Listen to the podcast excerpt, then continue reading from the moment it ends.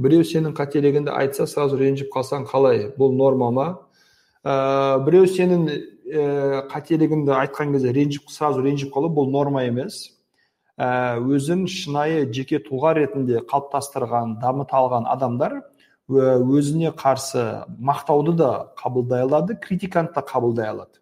Мақтауды да қабылдай алу критиканы да қабылдай алу керек. Кейбір адамдар бар ойбай мені мақтамаңдар ештеңе айтпаңдар мен ештеңеге лайық емеспін мен дүниедегі ең жаман адаммын деп самокритика қатты жасайды. Кейбір адамдар наоборот мақтаған кезде а иә күшті мықты күшті керемет тыңдайды. А бірақ сәл ә, критика айтылса мен экранды қосып жіберейінші ой свет қосып жіберейінші осылай ал бірақ сәл егер ә, критика айтылатын болса ескерту айтылатын болса замечание айтылатын болса онда сразу көңілі қалып ренжіп жүреді. Бұл ә, психологиялық тұрғыдан толыққанды дами алмаудың белгісі яғни развитияның кішкене төмендеу болудың белгісі. Сондықтан ондай нәрселерге ренжуге болмайды. Сіз ә, жеке дала, дара тұлға ретінде қалыптасқыңыз келсе онда өзіңізге айтылған минустарды да плюстарды да толыққанды қабылдай алу керек тыңдай алу керек. Ә, келіспеуіңіз мүмкін ол бөлек әңгіме. Яғни сізді біреу жамандайды жамандайды критиковать етеді кемшіліктерді айтады. Сіз мхм иә жақсы окей тыңдадыңыз бірақ өзіңізге белгілі бір выводтар жасадыңыз. Че то мына кісі қуып кетті не в тему нәрсе айтып жатыр. Жарайды оның жеке пікірі дейсіз да қоя саласыз. Ал егер айтып жатқан нәрсесінде шынымен сіз үшін пайдалы болатын сіздің бойыңыздағы конкретно бір кемшіліктер айтылып жатса мә мен мынаны ойламаппын мә мына мәселе сырттан былай көрінеді екен ғой. А мына жерде точно точно біз байқап жүрмін че то не то істеп жүрмін деп өзіңізге жақсы дәріс шыға алатын болсаңыз онда ол критиканың сізге пайдасы болады. Поэтому сразу ренжіп қалу бұл норма емес. Егер айтып жатқан сөздер самое главное дөрекі түрде айтылмау керек ол. Дөрекілікке ренжуге болады иә? Мысалға сен шайды былай қоймайсың стаканды орнына қоймайсың проблемасын. Стаканды былай дұрыстап қойшы шетке қойып жатрсың төгіліп кетуі мүмкін деп айтуға болады. Немесе е оңбаған ақымақсың ба қалай қалай қоясың стаканды дұрыстап қойсайшы деп олай да адамның кемшілігін айту керек айтуға болады мысалға. Ә, сен уақытылы келмейсің деп айтуға болады. Ә, немесе сен өмір уақытылы келмейсің ешқашан уақытылы келмейсің өмір кешке жүресің қандай адамсың вообще деп айтуға да болады. Екеуінде де проблема айтып жатыр. Кешегі эфирімізде біз как раз ә, қарым қатынас құрған кезде қандай қателіктерді байқау керек жасамау керектігін айтып өткен болатынбыз. Поэтому ренжімеңіздер окей? Ә, қызы әкесіне қатты ренжіді кешірмеймін деп. Енді анасы екі үйде жүр. Не күйеуін не жиырма жастағы қызын қимайды. Деген сұрақ сұралған екен. Адамдар арасында қарым қатынасқа лишний раз араласпауға тырысу керек. Әсіресе бұл бір біріне жақын туыс кісілер болатын болса ерлі зайыптылар болатын болса әке шеше болатын болса әке мен қыз болатын болса ә, арасына түсіп өзімізді қинамау керек. Күйеуі мен әкесі мен қызы қарым қатынас құрғысы келмесе түсінісе алмаса ол олардың проблемасы олардың мәселесі. Сіз екеуімен бөлек бөлек біреуге жақсы жар бола аласыз біреуге жақсы ана бола аласыз. Міндетті түрде оларды қосам татуластырам деп бір біріне итермелеп ә, қинамау керек ситуацияны. Психологиялық тұрғыдан бұның эффекті де өте аз болады өте эффекті аз болады. Поэтому ә, бұл жерде өзіңізді еркін ұстаңыз окей не үшін ренжіп қалдым? мына мәселе бойынша. Екі жаққа ақыл айтуға тырысыңыз. Негізі кешірсем болады негізі түсінушілікпен қарасам болады деген сияқты. Бірақ орталарына түсіп ә, бір бірін қабылдауға бір бірін жақсы көруге бір бірін сыйлауға құрметтеуге ешкімді мәжбүрлемеу керек. Эмоционально былай айтқан кезде давка қысым көрсетпеу керек. Мынау сенің қызың ғой мынау сенің әкең ғой иә дей сал қоя сал деп адамдарды қинамау керек. Окей жақсы. Түсінісе алмайсыңдар ма? Араласқыларың келмейді ма ренжулісіңдер ма ондай болса өздеріңіз білесіздер. Екі жаққа негізі сенің мына жерде мынандай қателігің бар еді сенің мына жерде мынандай қателігің бар еді. Сен мына мәселеге байқауың керек сен мына мәселеге байқауың деп бір ауыз сөз бір кеңес айтуға болады. Бірақ екі жақта жүгіріп өзімізді қинаудың керегі жоқ. Өйткені бұл өмір өмір болғандықтан адамдар кейбір кезде келісе алмайды кейбір кезде түсінісе алмайды кейбір кезде қабылдай алмайды. И осы мәселеде біздің туысқандық қарым қатынастар ничего не значит. Яғни тек қана әкем болған үшін оны сен жақсы көруге міндетті емессің тек қана анам болған үшін бүкіл қате кемшіліктеріне көз жұма алмайсың тек қана бауырым болған үшін оның әрекеттері сені ренжітпейді оған қарсы күшті бір иммунитетің бар деген жоқ. Олар сенің туысқандарың бауырларың семья бірақ олар да адам қателіктері бар кемшіліктері бар түсінісе алмайтын моменттер болады. Оларды вполне нормально қабылдау керек. Әйтпесе екеуін де шаршатасыз өзіңіз де шаршайсыз. Окей? Иә иә иә иә иә иә иә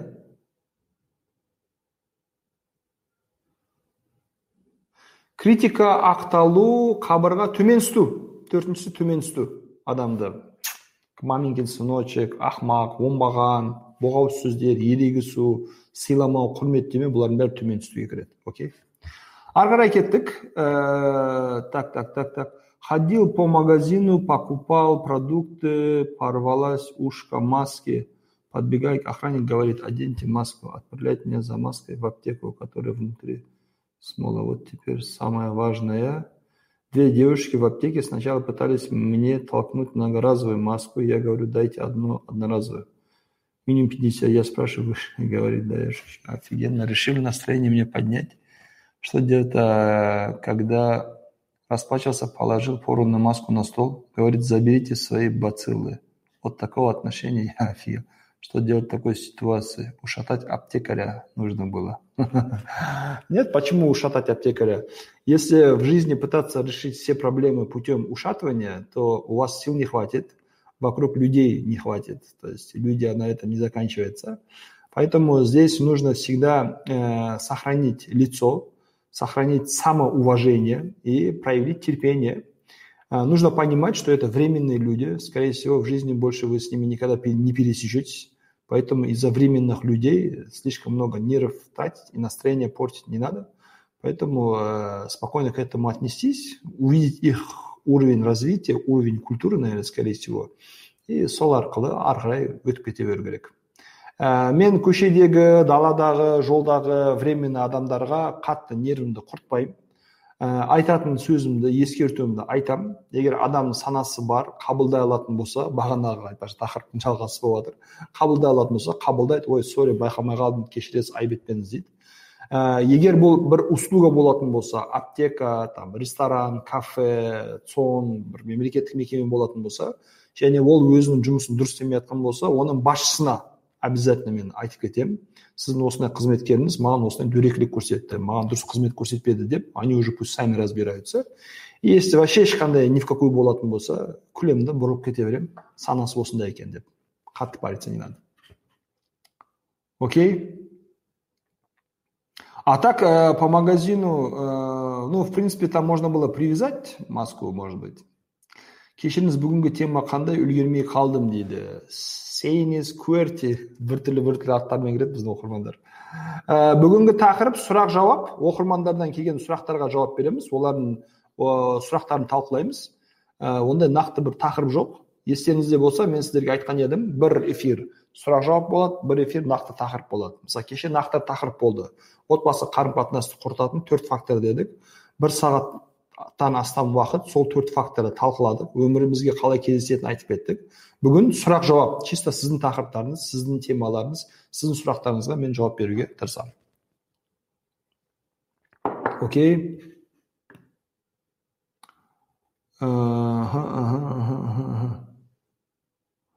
Солай ойлайтын ер адамдармен қалай жұмыс істеуге болады? Қалай ойлайтын? Ә, мұхтар деген кісі сұрапты. Эмоциялық интеллектті қалай дамытса болады? Медитация арқылы өзінің реакцияңды мысалы ә, агрессия танытқанда дамытуға болады деген рас па? Ә, эмоциялық интеллектті қалай дамытуға болады? Ә, біріншіден эмоциялық интеллектке байланысты кітап оқу керек ә, білім арттыру керек эмоциялық интеллект не екенін. Ә, екіншісі ә, эмоциональный моменттерді көбірек проживать ету керек. Яғни көңіл күй көтеретін фильмдер ә, жүректі жұмсататын фильмдер одан кейін жылай алатын ситуация жылау керек ситуациялар жүректі қысатын ситуациялар мысалға. Сондай моменттер ә, вот сол барлығы не эмоциональный интеллектті арттыруға көмектеседі одан кейін эмоциональ эмоцияға байланысты ә, сөздік қорымызды арттыруымыз керек. Мысалға қызық бізде қоғамда өте жиі кездесетін проблемалардың біреуі бір кісіге сұрасаңыз қалай жағдай дейсіз жақсы дейді қалай жағдай дейсіз жаман дейді жақсы жаман жақсының ішінде не ол қуаныштымын бақыттымын ризамын көңілдімін ғашықпын мысалға жақсының несі көп та ішінде қандай эмоция байланысты жақсы бірақ бірақ эмоция бар жақсы жаманмын дейді мысалға жаман бірақ эмоция бар жаман ішінде не ә, ренжулімін қайғылымын өкпелімін ашулымын мысалы қандай эмоция жаман ішіне кіреді белгісіз сондықтан эмоцияға байланысты сөздік қорыңызды дамытсаңыз а мынандай да эмоциялар бар екен деп сөйтіп оларды рет ретімен қолдануға тырыссаңыз сол кезде эмоциялық интеллектіңіз артады. Эмоцияларды өзіңіздің эмоцияларыңызды айқындай алатын боласыз және басқалардың эмоцияларын да дұрыс түсіне алатын боласыз. И үшінші техника бұл бір ай көлемінде бойыңыздан өткен эмоцияларды жазып отыру. Мысалға қазір бойыңызда қандай эмоция болып жатыр? Тіркеп қойыңыз мен қазір ашуланып жатырмын. Он тоғыз нөл нөлде. Мен қазір өте қуаныштымын. жиырма бір нөл нөлде. Не үшін? Психологпен кешкі шай айдары басталды. Көңіл күйім жақсы керемет дейсің мысалға мен қазір өте қайғылымын. Қашан түнгі сағат он бірде? Неге? Там бір ә, ғашығым есіме түсіп кетті бір қайғылы жағдай есіме түсіп кетті. Жақын туысқаным қайтыс болды. Вот сондай қайғылы ситуацияларда эмоцияларды тіркеп отыру керек және ситуацияға байланысты эмоцияға ерік беру керек. Қайғырып отырсыз ба? қысылып ұялып өзіңізді басудың керегі жоқ. Жылау керек па? жылаңыз күлу керек па? күліңіз қуану керек па? қуаныңыз мысалға там ренжу керек па? ренжіңіз. және қарым қатынаста осы терминдерді жиі қолданыңыз. мысалға андай ә, көбінесе ер кісілер әйел кісілермен қарым қатынас құрған кезде ең жиі кездесетін эмоция бұл ашу. Ашу агрессия. Хотя қазбалап қазбалап қазбалап ішін ашқан кезде ашудың астарында негізі не жатыр? Реніш жатыр. Мен саған ренжідім. Бірақ әйеліме мен саған ренжідім десем слабость болады еркектікке жараспайды. Не қатындар сияқты ренжіп жүремін ба? Мен лучше сразу айқайлай салайын ұрыса салайын ашулана салайын деп өзін ұстағандықтан не істейді? Эмоцияларын ә, өтірік көрсетеді. Ашу көрсетіп жатыр бірақ негізі ренжулі негізі өкпелеп қалған мысалы вот. Қандай эмоция сізді итермелеп жатса ішіңізді қандай эмоция басқарып жатса сол эмоцияны ашып айту керек. Жаным мен саған осындай мәселеге байланысты ренжідім сізден ол нәрсе күтпедім деп мысалы адам ренжи алады. Ренжу тек қана әйелдерге тән қасиет емес. Адам болғаннан кейін ер кісілер де ренжиді әйелдер де ренжиді. Сол үшін осы нәрсе жасасаңыз эмоциялық интеллектіңіз дамиды. Эмоциялық интеллекттің дамуының арқасында әйеліңізбен күйеуіңізбен адамдармен дұрыс толыққанды қарым қатынас құра аласыз. Окей о ғалеке қайырлы кеш қалайсыз? Біз эфирге қатысқыңыз келіп жатыр ма? Біз эфирге негізі көп қонақ ала бермейміз. Бірақ сіз қатысқыңыз келіп жатса ғалеке сізді аламыз ғой эфирге. Окей ары қарай жалғастырайық. Ә, ағай саламатсыз ба? Эмоцияны проживать етуге байланысты қандай кино кеңес бересіз? Бүгін қарайын эмоцияны проживать етуге байланысты ух ты.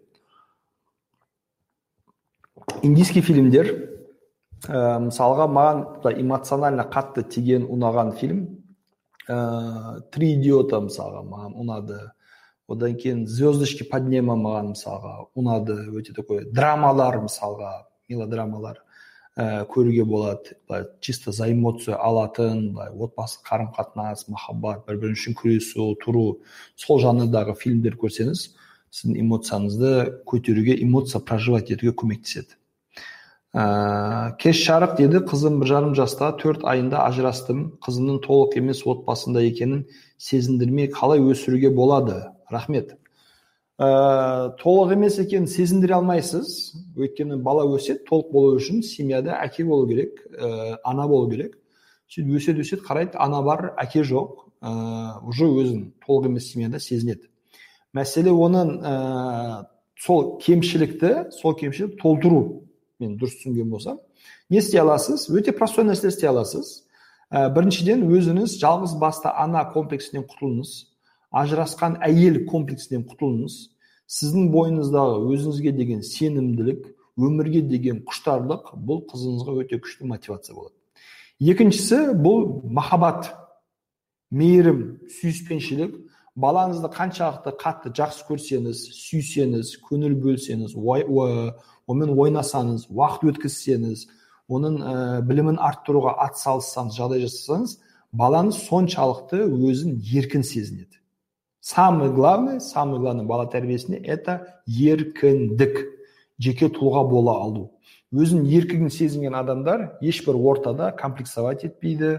Ананың әкесі бар екен мынаның әкесі жоқ екен анау әкесі бастық екен менің әкем жоқ екен деген комплекстер болмайды любой ортада өзін емін еркін уверенно ұстайды. Поэтому балаңызға еркіндікті беріңіз. Еркіндікпен қатар мораль тәрбие құндылықтар ұлттық құндылықтарды сіңірсеңіз онда күшті керемет азамат болып шығады және ешқашан бұған байланысты комплексовать етпейді. А так мен ә, ажырасқан көп әйел кісілерге беретін кеңесім ажырастым қалдым ә, бір балам бар үш балам бар бес балам деп андай бағана айттым комплекске түспей ақ сіз екінші рет тұрмыс құра аласыз екінші рет үйлене аласыз әлі де бақытты бола аласыз ә, скорее всего жассыз бүкіл өміріңіз әлі алдыңызда. Поэтому ештеңеден ұялудың қысылудың керегі жоқ. Ә, ары қарай өзіңіздің жеке өміріңізді құруға бақытты болуға тырысыңыз. Сіздің бақытты болуыңыз баланың психикасына тікелей әсер етеді. Окей? Ары қарай кеттік. Мен вообще жылайтын кино қарай алмаймын дейді замира оқырманымыз тез өшіріп тастаймын негізі өшірмеңіз ә, өйткені сіз эмоциядан эмоциональный моменттерден қашып жатсыз алшақтап жатсыз қайтаға соның ішіне кіріп жылау керек болған жерде жылап алып бір ішіңіздегі сезімдерге бір ерік беру керек. Бұл өте пайдалы ә, керекті дұрыс жаттығу деп ойлаймын. Ондай эмоциональный моменттерден қашпаңыз. Ары қарай так так так так. Когда енешка достает килинку муж должен уступиться за жену. Это мы уяснили. а если енешка нападает на жену когда мужа нет что килинке делать ну тогда будет стрит-файт там настоящий смотря какая килинка есть килинки, которые там никакой енешки не позволят, чтобы на нее там нападали и так далее. Но ә, мына жерде мынаны түсіну керек если это физическое нападение кәдімгідей әр адамды ұру соғу там ә, оқтау алып бір бірінің артынан жүгіру болатын болса ол кезде конечно стоять смотреть молчать не надо нужно защищаться от этого человека можно в комнату закрыться в ванну закрыться из дома уйти спастись от этого человека э, у кого бы какой бы статус не был никому не позволяется наносить определенные увечья кому-либо. Если это словесное нападение в форме критики, недовольствия, там, ругани, э, то тогда здесь э, можно культурно свою позицию высказать, высказать, сказать, что мам, э, мен сізді сыйлаймын құрметтеймін конечно но мына жерде мен сізбен келісе алмаймын мына жерде айтқаныңызды істей алмаймын по моему здесь вы не правы по моему здесь нужно вот так делать нужно вести нужно придерживаться Э, вежливого диалога диалог очень важен диалог так так так так мен былай айтып былай айттым былай істеймін былай істеймін деген сияқты и потом обязательно с этим инцидентом об этом инциденте нужно поделиться с мужем чтобы он тоже был в курсе потому что скорее всего жұмыстан келген кезде мамаңыз айтады что вот ә, сенің әйелің құтырып кеткен өзінше болып кеткен сөз қайтарады тыңдамайды басымен кеткен деп и это ә, хочешь не хочешь ер кісіге бұл әсер етеді эмоционально манипуляция сондықтан күйеуіңізге айту керек осындай ситуация болды осындай мәселе болды осындай жағдай келді здесь келинка должна сама ну вынуждена сама себя защитить от этого человека. Если это прям очень сильно агрессивный неконтролируемый человек то нужно избегать этого контакта желательно на расстоянии желательно отдалиться желательно каждый чтобы заняться каким-то своим делом. И тогда можно э, пережить ситуацию намного ә, безболезненно. Окей ә, құрметті көрермендер ескертіп өтейін біздің негізгі трансляциямыз youtube каналымызда болып жатыр құрметті инстаграмдағы оқырмандарымыз поэтому ютубтағы парақшамызға өтіңіз ержан мырзабаев парақшасына өтіп тікелей эфирге қосыңыз сонымен қатар ержан мырзабаев ә, YouTube каналыма тіркеліп колокольчикті басып қойсаңыздар жиырма бір нөл нөлде эфир басталған кезде сізге уведомление ескерту келеді және сіз уақытылы эфирімізге қосыла аласыздар окей ә, ары қарай өздігінен іздену арқылы өз отбасына өзім психолог болу мүмкін деп ойлайсыз ба? Жоқ мүмкін емес. Ә, адам ә, психолог өз семьясына психолог бола алмайды. Өз туыстарына психолог бола алмайды. Өзіне жақын адамдарға психолог бола алмайды. Ә, бұл жалпы психология ғылымында общепринятый сондай принцип негізі. И психологиялық этикетке де қарама қайшы яғни көп психологтар өзінің туысқандарымен жұмыс істемейді. Танысына жібереді коллегасына жібереді басқа біреуге жібереді бірақ өздері жұмыс істемейді. Поэтому сіз отбасыда психолог бола алмайсыз. Бірақ қарым қатынас жақсарту қарым қатынас құру ә, конфликттерді избегать ету конфликттерді более конструктивно шешу бойынша определенный навыктарыңыз дағдыларыңызды дамыта аласыз. Одан кейін жақын туыстарыңыз сізбен бір проблемасымен бөліскен кезде оларды тыңдау дағдыларын дамытып ә, тыңдай аласыз қолдау көрсете аласыз көмекші бере аласыз. Бірақ бұны ешқашан психолог ретінде істемеңіз яғни. Окей жақсы давай отыр. Тағы не болды кейін не болды қандай проблема десе да то есть психолог ә, былай айтқан кезде формасына психолог режиміне кірмеңіз. А так туысқан ретінде әпке ретінде ана ретінде әйел ретінде конечно біз бір біріміздің проблемаларын тыңдаймыз қолдау көрсетеміз мотивация береміз жәрдемдесеміз бірақ бұл тек қана сол туысқан екеніңізді біліп сол шеңберде қалу керек. Ә, ер адам семейный психологқа баруға қарсы болса нужно ли его уговаривать деп сұраған екен.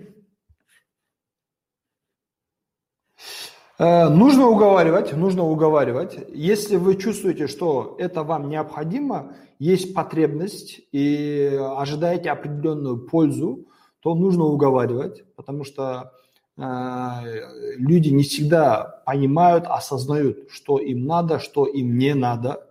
Э, даже физически ауру адамды трудно заставить пойти к доктору, трудно заставить принять лекарство е э, қойшы өзім емделе саламын шай іше саламын лимон жей саламын там жата саламын кішкене жата тұрамын жақсарып кетемін деп мысалға ондай өзінің денсаулығына немқұрайтын адам немқұрайлы қарайтын адамдар ә, безразлично безответственно относятся к своему здоровью то психическому здоровью естественно, будут также э, безразлично относиться. Поэтому таких людей надо уговаривать, э, надо заставлять, надо просить э, хотя бы один раз сходить, послушать, выговориться, пообщаться, а ары чтобы он попробовал, увидел, если он, ну, как бы пользу не почувствует, скажет, ему это не надо, или же э, не пройдет так, как он этого хотел, или же не будет никакой пользы, то тогда, по крайней мере, он попробовал. Но в любом случае людей всегда надо уговаривать, они не до конца понимают. У меня потому что мои многие коллеги, между прочим, э, с этим не согласны. Многие психологи считают, что человек сам должен осознать потребность похода к психологу. То есть он должен утром проснуться, точно, мне нужен психолог. Где психолог? Где психолог? Пойду-ка я психологу, где? чтобы каждый человек сам захотел, сам это. Пока он этого не захочет, ему помочь невозможно. Многие мои коллеги этого принципа придерживаются. Я против этого принципа. Я считаю, что человек, во-первых, не попробовав, никогда не знает, ему это понравится или не понравится. Во-вторых, так как это лечение, так как это работа над собой – а, у людей зачастую не хватает силы воли это принять, осознать и сделать. Поэтому в таких случаях надо уговаривать, в таких случаях надо заставлять, в таких случаях надо принуждать, просить, чтобы человек хотя бы один раз пошел к психологу. После, только после того, как он это попробует, общение, отношения, контакт, он может сказать, что не, мне это не надо, я там уже был, я понимаю, о чем там разговор, мне это не помогло. Окей. Но хотя бы один раз попробовать, его нужно ну, как бы заставить, уговорить.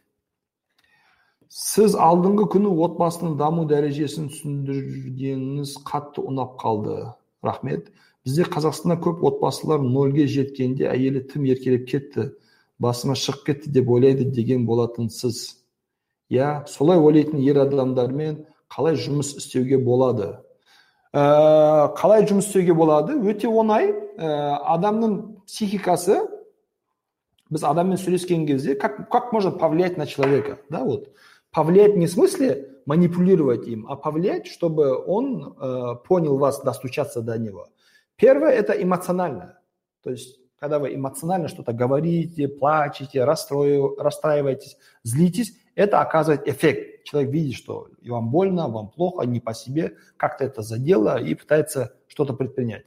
Второе – это достучаться до его разума. Разум очень хорошо воспринимает информацию путем сопоставления. үлгі бересіз пример бересіз айтасыз да окей жаным мы с тобой 10 лет живем 10 лет назад ты курил пил бил материл надо было с уйти ну ладно не ушли Э, через 10 лет ты там стал такой хороший, добрый, пушистый, там перестал курить, пить, там бить, начал работать, зарабатывать, какие-то плохие привычки перестал делать, и этим гордишься, да?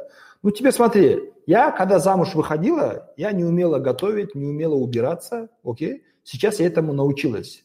Ты хочешь, чтобы я на этом остановилась или дальше развивалась?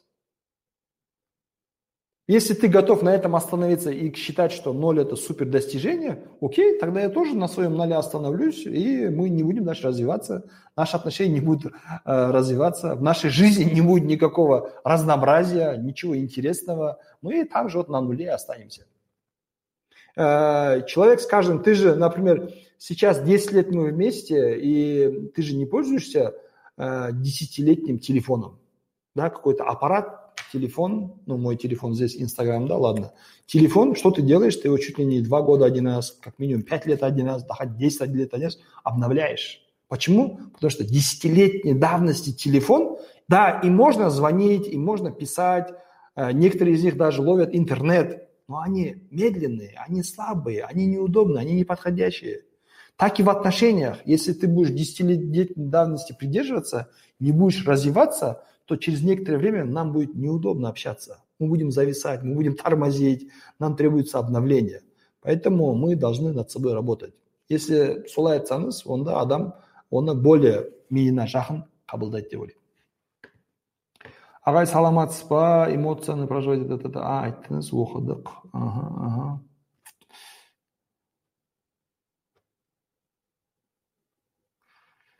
күйеуімнен көп внимание күтемін бірақ ол түсінбейді. Әр ситуацияны айтсам да ұмытып қалады ма әлде жай елемейді ме білмеймін. Кейде айтқым келмейді тек үндемеймін. Всегда я уступаю мне кажется. Мхм. Не пропустили не пропустили былай рет ретімен енді оқып жатырмыз Э, если вы один и тот же мәселе бойынша ескерту айтып жатсыз бірақ ол кісі оны ә, сол әрекетті қайталап жатса немесе сіздің күткен нәрсеңізді қайта қайталаған нәрсені істемей жатса ә, скорее всего он не понимает важность этого до него не доходит насколько это важно насколько это нужно ә, насколько это важно для вас а, поэтому в следующий раз попытайтесь не просто сказать, я же тебе сколько раз говорила, сделай вот это там, или сколько раз я просила, не делай вот этого дегенче, расскажите, почему это для вас важно, насколько это для вас важно, и какие чувства, эмоции вы проживаете, когда он это не делает или делает, то, что вы не хотите. Бұл бір. Екіншісі, э, нужно сказать, что, окей, э, нет такого «я забыл», вот психология, да, я забыл деген нәрсе жоқ. Это самая легкая отмазка, э, это самая легкая отмазка без ответственности. Человек, который часто забывает, это не потому, что у него там какие-то отклонения в мозгу, это человек, который просто безответственен, по крайней мере, к данной ситуации. Мән бермейді. Э, в моей жизни была такая ситуация, но я не всегда был семейным психологом, поэтому э, есть ержан до и есть ержан после – сол үшін кейбір секреттерін мен сізге бөлісейін бірақ ешкімге айтпаңыздар. Енді тікелей эфир болған кезде сізге ғана айтып жатырмын. Ә, мен алғаш үйленген кезде ә, сегізінші март болды. Алғашқы сегізінші март енді праздник сөйтіп надо жене подарить. Мен бардым кішкене сыйлық алдым. Сөйтіп цветочный магазиннен ә, бір букет әдемі роза алып бардым. Сөйтіп вот жаным там поздравляю праздник анау мынау ол алды қуанды мәз болып қалды и айтты вообще то маған роза ұнамайды деді. да а ну хорошо конечно да қандай гүл ұнайды мынандай гүл ұнайды деді гүлдің атын айтты маған жарайды жарайды келесіде соны аламыз ғой дедім и так ол кезде редко цветы дарил сөйтіп через полгода какой то повод тағы болды надо было подарить цветы сөйтіп бардым да цветочный магазин опять взял розу купил розу подарил он қарады біртүрлі говорит ну маған говорит роза ұнамайды говорит «Э, ты же помнишь я же тебе говорила какой мне цветок нравится я не помню да а какой тебе нравится нет ты кажется не говорила что то я забыл я айтты короче вот этот цветок деді а, точно, блин, я забыл, забыл, забыл. Все, все, все, все сейчас нормально привезем, пока роза лавер. А, я до сих пор не понимаю, что для нее важен тот цветок. Я думаю, ну, раз женщина, роза это классика, всем нормальным женщинам должны нравиться розы. Но ей почему-то розы не нравятся. И когда ты это, этому не придаешь значения, э, не относишься с ответственностью, ты будешь это каждый раз забывать. нужно сесть и понять, что человеку это важно. И так продолжалось несколько лет. Уже ренжіп қалды одан кейін праздник испортится вроде нормально сыйлық из-за айтамын как из-за какой-то травы можно ну, шөп қой енді из-за расстраиваться дейді да все это сен мені тыңдамайсың дейді сен мені тыңдамайсың ты меня не слышишь ты меня не слушаешь я тебе говорю мне не нравится роза мне вот такие цветы нравятся пожалуйста если алатын болсаң или соны ал или вообще алма бір қырсықтым даже бір рет может алмасам бұдан былай алмаймын саған гүл деп соған да ашуландым кейін отырып ойландым енді бұл қайта қайта қайталанатын ситуация әйелім үшін бұл маңызды болатын болса что я могу сделать чтобы об этом не забыть сөйтіп алдым ә, заметкаларға жазып қойдым там жаннаның ұнататын цветы такие то такие то такие то в конце скажу какие цветы напишите пожалуйста в комментариях как вы думаете какие у нее любимые цветы кто угадает соған кішігірім рахмет айтамыз жаздым заметкаға сөйтіп келесі бір повод болған кезде магазинге бардым цветочный магазинге и автоматически уже по умолчанию опять роза алайын деп потом вспомнил блин подожди там же не розы были там что то другое было нет нет нет нет нет нет алдым да таптым соткамды достал сөйтіп нашел заметку бірнеше ай бұрынғы заметку нашел сөйтіп оп дедім да а жаннаға ұнайтын гүл мынау сөйтіп мына гүл бар ма деймін да иә бар дейді қайсысы анау түрі жаман солып қалған сүмірейіп қалған вообще то розы сто раз красивее стоят но они там жайские ну окей если человеку такие цветы нравятся почему бы и нет енді көңіл ғой мәселе. Сөйтіп бардым сделайте дедім бір букет алдым бардым сыйладым. Одан кейін әйелім мәз бақытты күшті керемет болып жүр да. Е мынау ма деймін да одан айтпайсың ба деймін да енді. қанша жылдан бері айтып жатырмын ғой өзің тыңдамайсың дейді Поэтому, когда человек берет себе на заметку, записывать надо тогда. Если забываешь, записывать надо. Если забываешь, значит, недостаточно ответственным. Если забываешь, недостаточно придаешь важность этому делу. маңыздылығын ұмытпайсың мысалы люди же не забывают там карточки пароль от карточки почему если забудешь останешься без денег это важно когда мы в голове себя отмечаем что это важно мы это не забываем сол үшін осындай техникамен бөліс айтсаңыздар болады. Э, окей окей окей қане гербера дейді тюльпаны лилия ромашка пионы кетіп жатыр кетіп жатыр мына жерде предположениялар. Ә, рахмет. Пионы хризантемы лилия хризантемы тюльпаны пионы лизиантус.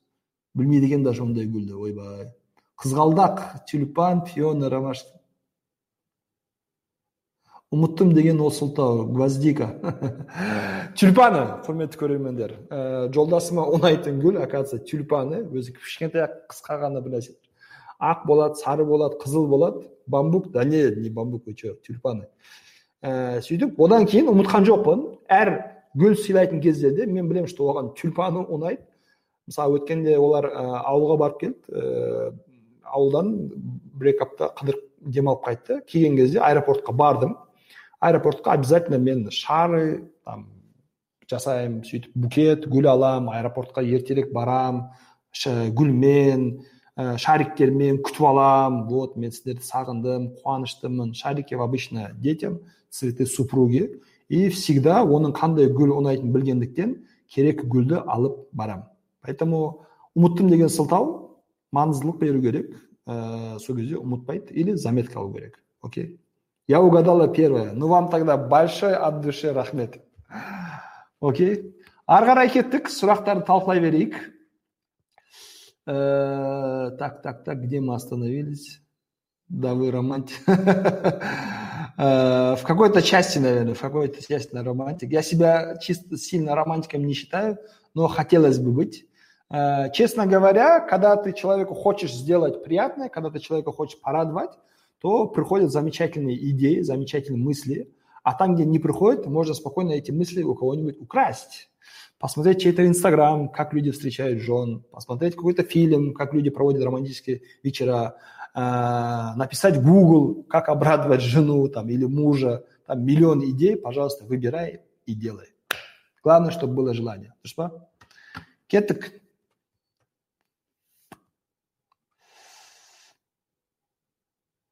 Жұбайлар балалық шағында қиындықтары мен травмаларын бір бірімен бөліскені жөн ба? Жөн жөн жөн жөн жөн.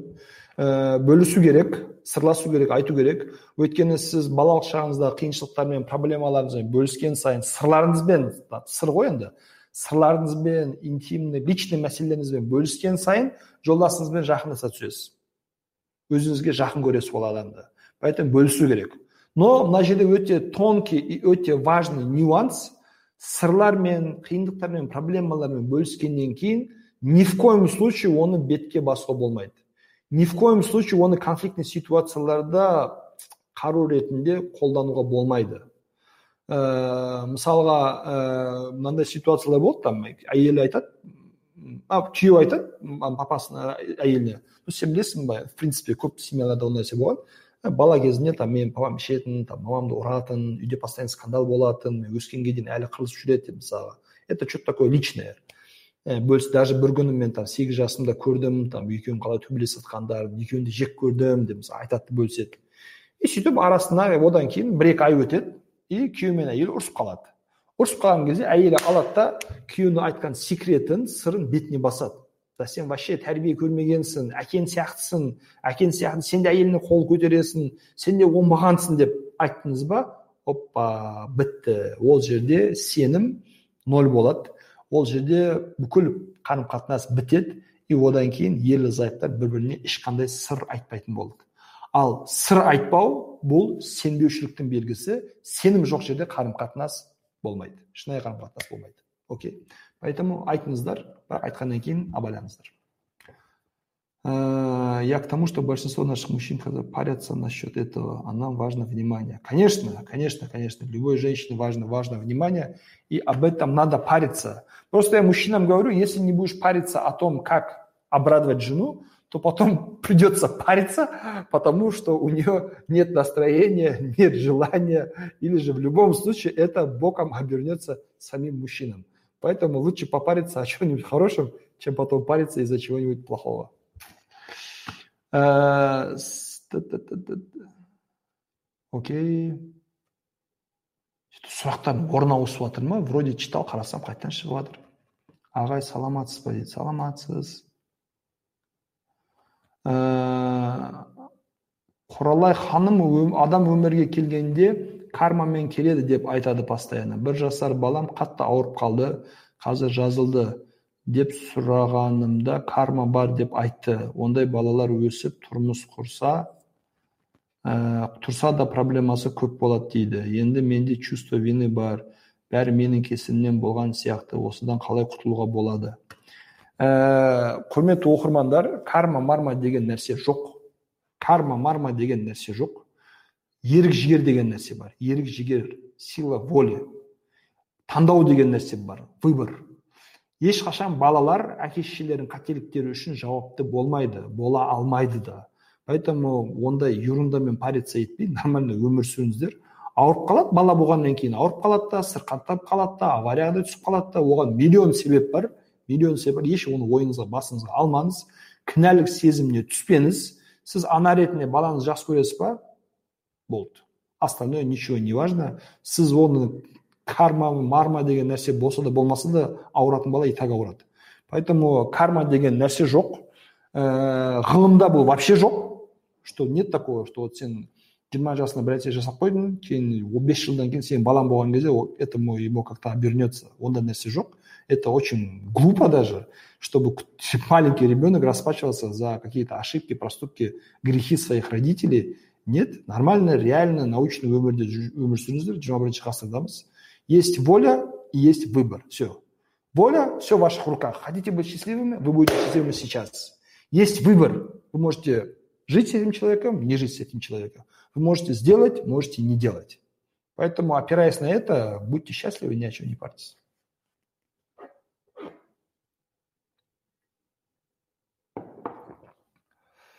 Енді мына жерде мықты психолог екенсіз керемет әсер алып жүрмін. Рахмет рахмет рахмет. Өте қуаныштымын пайдалы болып жатса. Ә, ержан саламатсыз ба? Сізге рахмет жақсы заманауи кеңестеріңіз үшін. Сіз сияқты психолог дәл қазір біздің қоғамға керек сұрақтарым бар еді. Балаларымды жақсы тәрбиелеп жатырмын.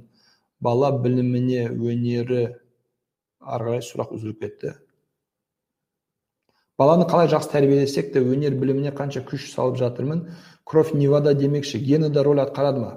Ә, гені роль атқарады ә, өйткені характер бар мінез бар ә, днк деген нәрсе бар. Гендермен тек қана днкмен тек қана андай шаштың түсі көздің формасы мұрны құлағы түсі өтпейді.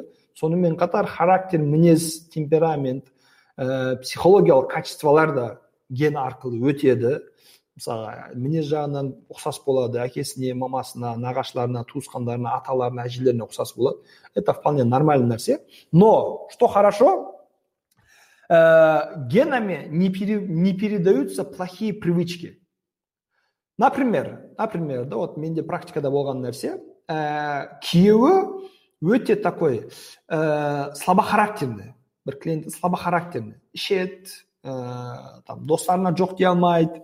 Ақшаны шашып төгеді сондай бір характерный үйдегі проблемаларды шешпейді ә, барлық нәрсені құртып қоя береді ұмытып қалады жауапкершілік сезімі төмен бұл не мысалы сондай кісі бар и енді ген арқылы балаға не өтеді балаға сол характер өтеді но любой характер любой темперамент можно повернуть в правильное русло если человек психологически слаб можно научить его защищаться. То есть он психологически сильным не станет, но он получит инструменты, как себя защитить. Очень важно. Если, например, э, психологически мысалға бала несі ә, күйеуі ә, когда он из-за того что пил люди думают что у него паршивый характер он не мужик өз өзін ұстай алмайды өйткені арақ ішеді но түбінде қарайтын болсақ оның түбінде қандай характер жақтар ақ көңілділік ақкөңілділік мейірім доброта это очень добрые люди очень отзывчивые люди. Ешкімге жоқ демайтын адамдар в принципе люди которые в нашем обществе с каждым днем все меньше и меньше становятся да мысалға сіздің балаңыз сондай характермен туылуы мүмкін да. Но если вы ему привите правильные привычки ә, привите ә, здоровый образ жизни жизни да жұмыс істеуді еңбектенуді талпынуды үйретсеңіз жақсы әдеттер қалыптастырсаңыз бала темекі шекпейді арақ ішпейді. Нормально жұмыс істейді зато ортасында отбасында өте сыйлы болады. Өйткені не? Ол мейірімді ол жақсы ол ақ көңіл жаман ойы жоқ арам ниеті жоқ. Тек қана дұрыс ортаға салған кезде оның сол характерінен өте күшті керемет адам шығаруға болады. Сондықтан ә, да кровь не вода гендер арқылы өтеді но генами передается характер а не привычки. Любой, к любому характеру можно привить хорошие привычки, и вы будете защищены от побочных эффектов определенного характера. Окей? А, так, так, так, так, так. Как быть с неадекватными родственниками? Забить на них? Дистанцироваться. Дистанцироваться. Қазақтар жақсы сөз ойлап тапқан ұзақтан сыйласайық деген поэтому неадекватный адамдармен всегда ұзақтан сыйласу керек в рамках этикетка в, рамках этикета в рамках определенных мероприятий саламатсыз ба қалайсыз сыйлау құрметтеу жаман сөз айтпау үйіне келсе бір шай беру бір тамақ беру қазақшылығымыздан біз құтыла алмаймыз бірақ олардың сөздеріне мән бермеу керек ойларына мән бермеу керек олар үшін әрекеттеріне переживать етпеу керек просто психологически и физически нужно дистанцироваться и ұзақтан сыйласу керек тогда все будет хорошо. Окей? Ары қарай оқиық. Ә, сұрақтар бірдей жауаптар басқа болды. Соны түсінбей жатырмын.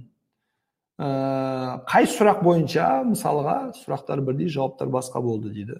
Ә, мысалға мен байқамадым. Ситуативно болуы мүмкін. Ә, мынандай нәрсе бар. Мысалға мен ә, соны айтып кете аламын. Мысалға бір сұрақтың ә, бір жеті сегіз жауабы бар. Бір сұрақтың жеті сегіз жауабы бар. Кейбір сұрақтар бар олар тек қана сол сұрақ үшін бөлек эфир арнап бір сағат оны талқылау керек. Сондай сұрақтар да бар. Поэтому мен ә, осы жерлерде осы жерлерде тікелей эфирлерде сұрақ жауап рубрикасында көбінесе қысқа нұсқа жауап беруге тырысамын. Мысалы бір сұрақ келді оның бес варианты бар мен екеуін ғана айтамын үшеуін айтпаймын. Тура сол сұрақ немесе соған ұқсас қайталанып келді ма мен уже екеуін айтпаймын келесі екеуін айтамын. Тағы да қайталанып келді ма там бесіншісін айтамын деген сияқты. Ранжировать етіп ранжировать етіп бір сұрақтың бірнеше шешімі бірнеше варианты болуы мүмкін бірақ самый главный мен ұстанатын принцип берген жауаптар бір біріне қарама қайшы келмеу керек яғни мен соған назар аударуға тырысамын олай болып қалған жоқ болса тогда білмеймін қалай сұрақтар бірдей жауаптар басқа екен окей как понять нравишься ли ты парню или нет который нравится тебе дозволенным путем спросить? Ну, во-первых, обратить внимание на его поведение, если он оказывает какое-то вам внимание, э, делает комплименты, подарки, относится с уважением, вы это почувствуете. Э, если ничего такого нет, э, но ничего такого нет, никаких сигналов, признаков нет, конечно, никому навязываться не надо, это отдельный разговор.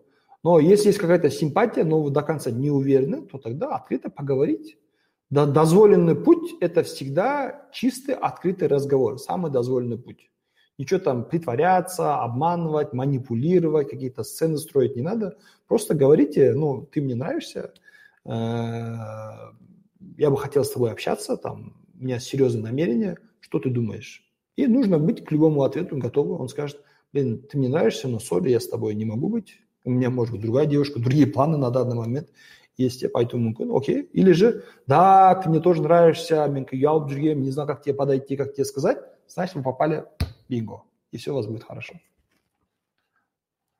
Ага. Армандар картасы дегенді қалай түсінуге болады? Ә, армандар картасы ә, ол не ғой ә, бір плакат аласыз баннер аласыз мен мынандай машина аламын мынандай үй аламын деп қырқып қырқып қырқып суреттерін жабыстырасыз армандарыңызды жазасыз сөйтіп іліп қоясыз. И күніге соған қарап ә, бір күні соған жетем деп армандайсыз. Ә, бұл жерде ә, научная обоснованность бұл действияда жоқ. Бұл жерде больше эмоциональный эффект плюс визуализация дейді. То есть арманыңызды көру көру арқылы оған более точно более нақты жетесіз дейді дейді дейді. Но мен ә, очень прагматичный психологпын. Мен очень прагматичный адаммын. То есть мен нақты результат нақты шешім нақты әрекет қараймын и мынандай ә, эмоциональный фантастика романтика ә, манипуляционный нәрселерді честно говоря қатты ұната бермеймін мысалға ә, осындай визуализацияның бір проблемасы визуализацияның бір проблемасы мысалға бір әйел начертила себе карту желаний начертила себе карту желаний написала там мен отыз жасымда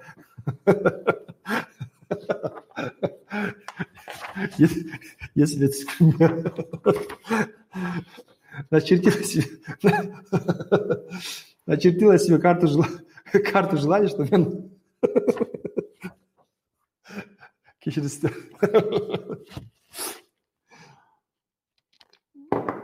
кешіресіздер о ереке ассалаумағалейкум қалайсыздар ә, психологпен кешкі шай айдарымызға қош келіпсіздер. Біз күніге жиырма бір нөл нөлде тікелей эфирде көрермендер мен оқырмандармен кешкі шай ішеміз ютубтан тікелей эфир болып жатыр және инстаграмдан тікелей эфир болып жатыр ә, сұрақ жауап форматы жалпы сұрақтарға жауап береміз ә, ә, біз де күліп алайық Девушка начертила себе карту желаний, что к 30 годам у нее будет 10 машин. Окей? түсінік арман қойып қойды скорее всего оны бір жерге іліп қойды и визуализационно қарайды күніге соған. Вот так бірінші машина екінші машина үшінші машина вот машинаға жеткізуім керек машинаға жеткізуім керек. Арман осындай визуализация қарайды күні күндіз түні соны ойлайды. И күндіз түні соны күндіз түні соны ойлау арқылы ә, ә, жолдасына айтады там. Где мои мечты там? Где менің армандарым? Қашан орындалады қашан істейміз? Не болады босайшы босайшы мен уже жасым там жиырма жеті жиырма сегіз жиырма тоғыз отызға келіп бара жатырмыз деген сияқты. Ә, қатты соған зациклен болып қалады. Ал психологияда психологияда любая зацикленность вредна. Если вы на чем-то конкретно зациклились предмет вещь человек отношения дети это проблема это болезнь таких людей лечить надо. и вот визуализация карта желания қарап қойып постоянно соны ойлау постоянно соған ұмтылып отыру бұл зацикливаться етудің бір формасы сол үшін психикаға бұл зиян психика постоянно напряжение хочешь там посидеть расслабиться с подружками отдохнуть там где то погулять бірақ бір қарасаң смотришь на карту блин мне же нужно на машину заработать блин мне же надо на девятую машину заработать блин мне же надо на десятую машину заработать деген сияқты өзіңізді постоянно напряжение постоянно напряжение постоянно напряжение и бұл вредно Поэтому мен ондай ә, карта желаниялар үлкен армандарда ә, честно говоря қатты қолдамаймын. Но более реально адам өз мүмкіншілігіне жағдайына қарап он жылдан кейін алатын нәрсені емес дәл бүгін конкретно мен істей аламын нақты қадамдармен жұмыс істеу керек нақты инструменттермен пайдалану керек деп ойлаймын. Ә, сол үшін карта желания мен қатты но осындай ә, жаттығулардың эмоциональный эффекті бар. Люди которые в себе не уверены қолынан дым келмейді ешқандай арман мақсаты жоқ полностью потерянный адамдарға бұндай техникалар көмектеседі. Написал нарисовал как то возбудился. А да блин точно! А, машина а өйтемін жұмыс істеймін там ақша табамын бизнесмен боламын деп загорится. Орнынан тұрады. Вот орнынан тұрғызу үшін керек. Пайдасы болады ары қарай чисто реально ә, әрекеттер болса жетеді. Болмаса ешкім ондай нәрсеге жете алмайды. Окей? Жақсы жақсы жақсы. Ары қарай жалғастырайық құрметті оқырмандар. Ютубтан келген комментарийлерді сұрақтарды оқып жатырмыз. Ә, біраз ютубтан арасында инстаграмнан да оқып қоямыз ренжімесін деп. Ә, құрметті көрермендер ә, ютубтағы көрермендерім ә, мына жерде саусақ бар лайк. Сол саусақты пожалуйста эфир пайдалы қызық болып жатыр десеңіздер бас басып жіберіңіздер. Сізге айтпасам баспайсыздар. Мені тыңдап ауыздарыңыз ашылып бәрін ұмытып қаласыздар. Осы эфирді YouTube ары қарай продвигать етсін десеңіз осы эфирді басқа адамдарға да пайдалы болсын көрсін тыңдасын десеңіз пожалуйста сол лайктарды басыңыз. Өзім үшін сұрап жатқан жоқпын адамдарға пайдалы болу үшін сұрап жатырмын. Және YouTube бұны ары қарай продвигать етеді. Бізде мысалға қазір ә, лайктар саны мен қатысқандардың саны арасында почти екі есе разница бар. Қалғандары пожалуйста ана лайк мынандай саусақ бар соны басып басып жіберіңіздер. Біздің каналымызға тіркеліңіздер. Ә, құрметті біздің инстаграмдағы көрермендерім оқырмандарым ә, сіздерге де кеңесім пожалуйста YouTube каналымызға өтіңіздер. Ержан мырзабаевты ютубтан тауып ә, подписаться етіп басыңыз және колокольчикті белгілеп қойыңыз. Колокольчик белгілеп қойсаңыз тікелей эфирлер жаңа шыққан видеолар бүкіл контентті уақытылы алып, отыра, алып отыратын боласыз уақытылы пайдаланатын боласыз. Окей? Ә, соны ескерту ретінде айтып кетейін. Ә, соңғы бір сұрақ.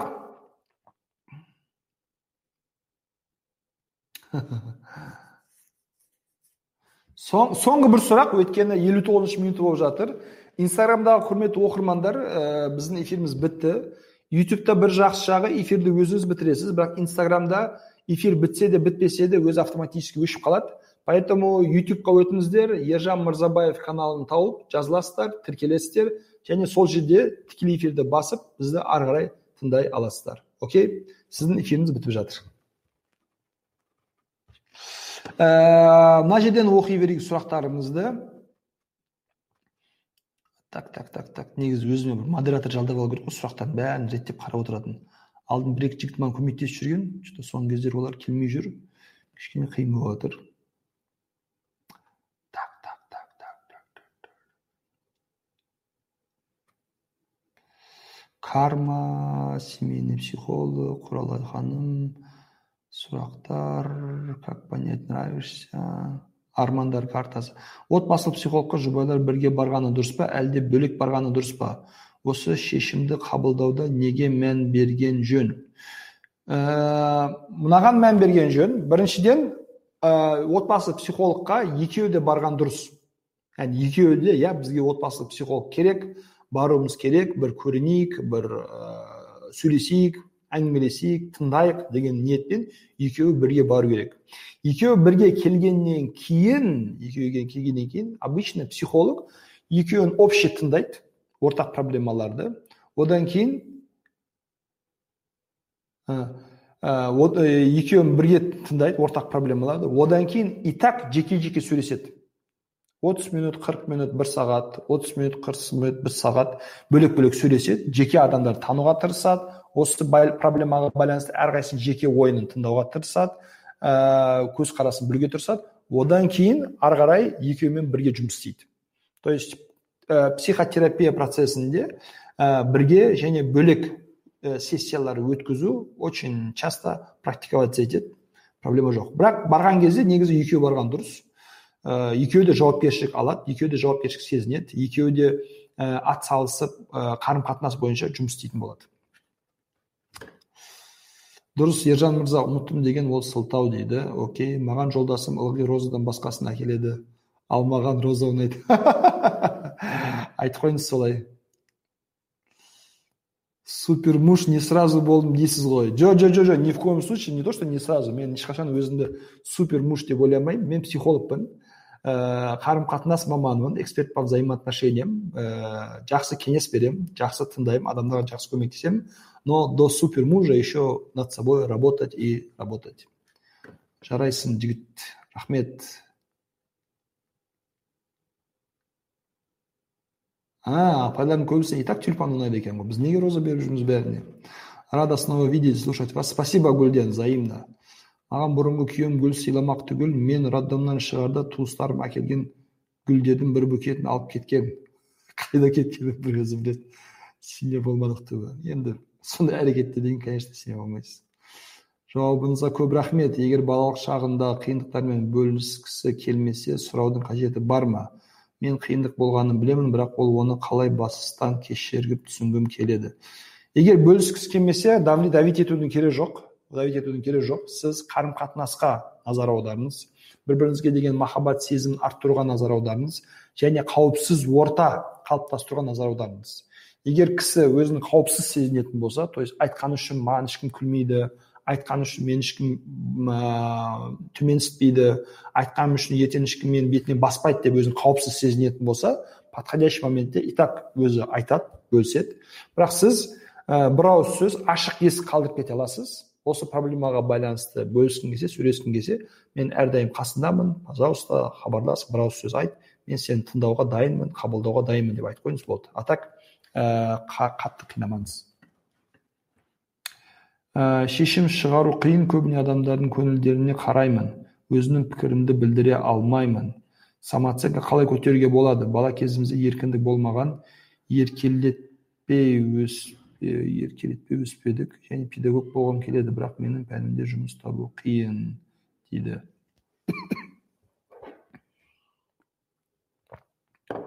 Ә, өзімізді самооценкамызды көтерудің жолы бұл бір ручка парақ алып бойымыздағы жақсы қасиеттерді жазып шығу.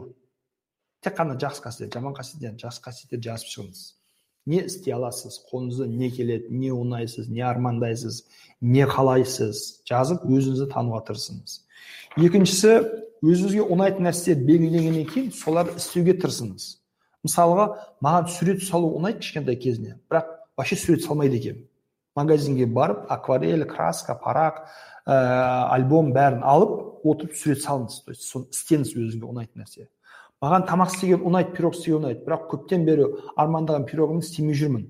Неге? Ана продукты жоқ мына зат жоқ қолым тимей жатыр босамай жатырмын постоянно семья бала шаға бәрін тастап барып алып істеңіз мен осы паркті бір көргім келген еді мысалға әлі көре алмай жүрмін. Дейсіз да мысалға сол паркқа барып көріңіз. Ұнайтын нәрселермен жасаңыз істеңіз. Сол кезде өзіңіздің ұнаған нәрселеріңіз нормально жақсы нәрсе екенін көресіз. Солардан ләззат алу солармен қуанудың нормально жақсы нәрсе екенін үйренесіз. Сол үшін өзіңізді жақсы көріп құрметтеп сыйлайтын боласыз. Окей? Ә, осы нәрселерді жасасаңыз менің ойымша самооценкаңыз артады өзіңізді жақсы көретін боласыз және сол арқылы ә, керемет тату тәтті бақытты өмір сүретін боласыз. Ә, құрметті көрермендер барлықтарыңызға көп рахмет. Жақсы? Барлықтарыңызға қайырлы кеш сәттілік тілеймін бақытты болыңыздар ауырмаңыздар барлықтарыңызды сүйдім барлықтарыңызды жақсы көремін аман болыңыздар